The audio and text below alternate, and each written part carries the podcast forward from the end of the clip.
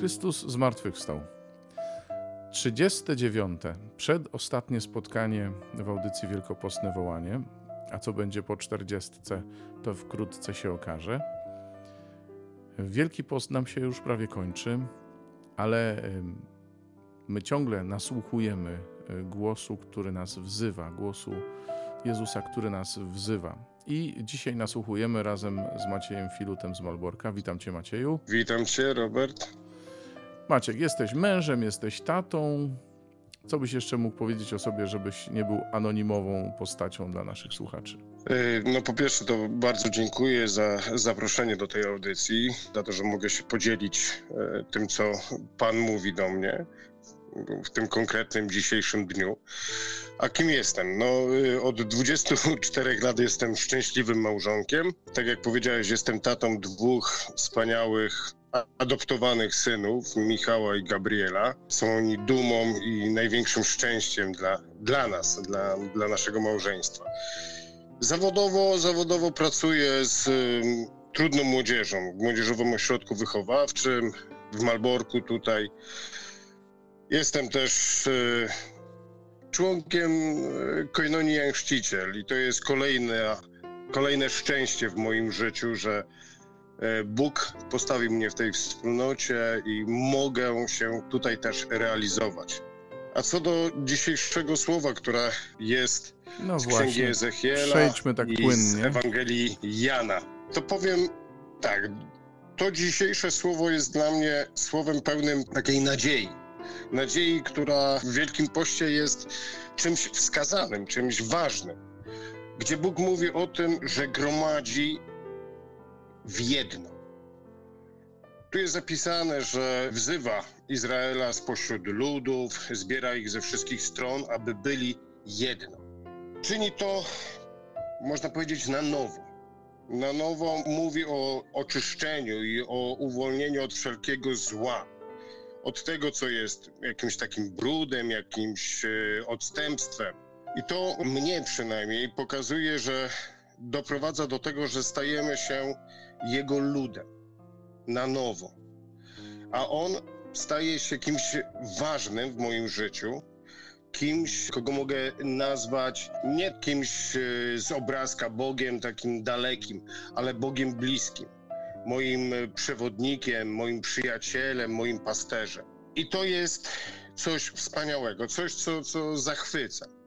To on znowu kolejny raz jest gotowy mnie do siebie przyprowadzić, mnie jako człowiekowi pomóc. Znajduje mnie, przyprowadza. Nieważne skąd mnie y, ściąga, skąd mnie przyprowadza, ale liczy się to, że to on mnie znalazł. Po raz kolejny ja mogę błądzić, ja mogę chodzić gdzieś, gdzie nie odczuwam Jego obecności, gdzie jest mi ciężko i trudno. Ale On chce mnie znaleźć i Jemu na mnie zależy. Tak jak zebrał tego Izraela, co jest zapisane w księdze Ezechiela, tak zbiera też mnie, przyciąga mnie.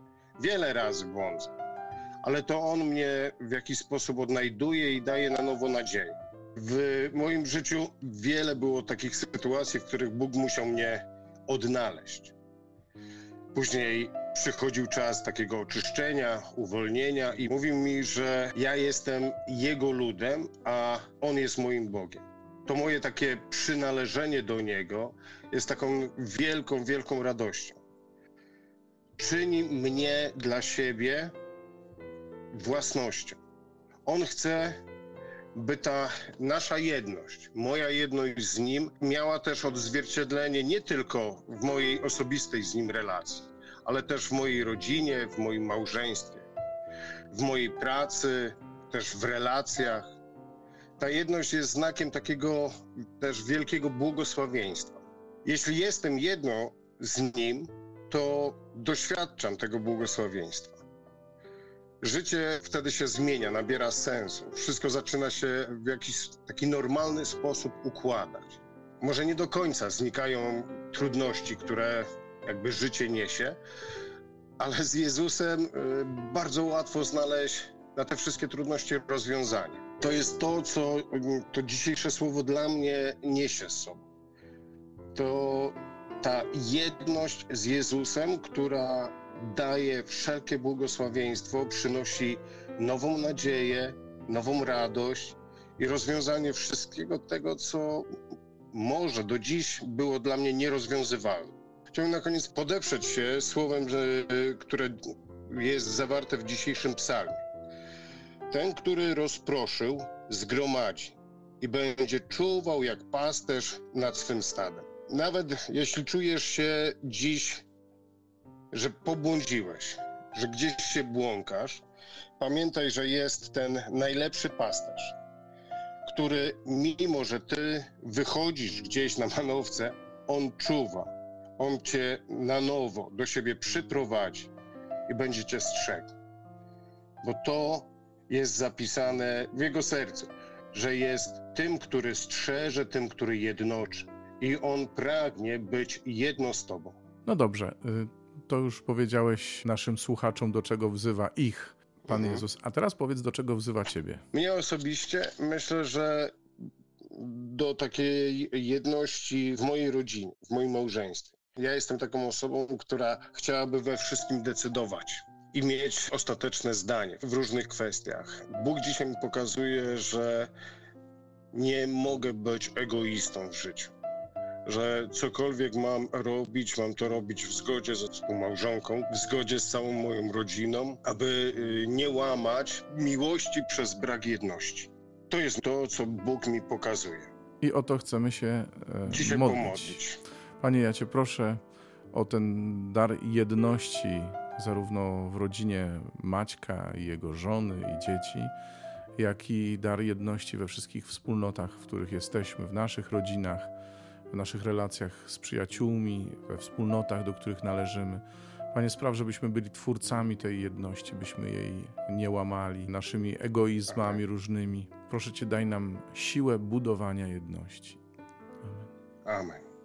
Proszę Cię, Panie, abyś e, wylewał swojego ducha jedności na, na te wszystkie małżeństwa, które borykają się ze swoimi problemami, które może borykają się z rozłomką związaną z różnymi problemami, e, czy to materialnymi, czy innymi. Proszę Cię, Panie, abyś doprowadził ich do pełnej jedności, aby to wszystko, co jest jakąkolwiek przeszkodą, Ty jako Bóg jedności, był w stanie pokonać i pojednać tych, którzy dzisiaj czują się rozdarci. Amen. Amen. Amen. Maryjo, Matko Nasza, módl się, módl się za, nami. nami.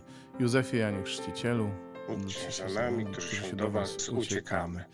Bardzo Ci Maciek dziękuję za Twoje dzielenie. Naszym gościem dzisiaj był Maciej Filut z Malborka. Wszystkim Wam przypominam o tym, że w opisie audycji oczywiście jest link do dzisiejszej liturgii słowa. Spotykamy się jutro jeszcze raz, po raz czterdziesty.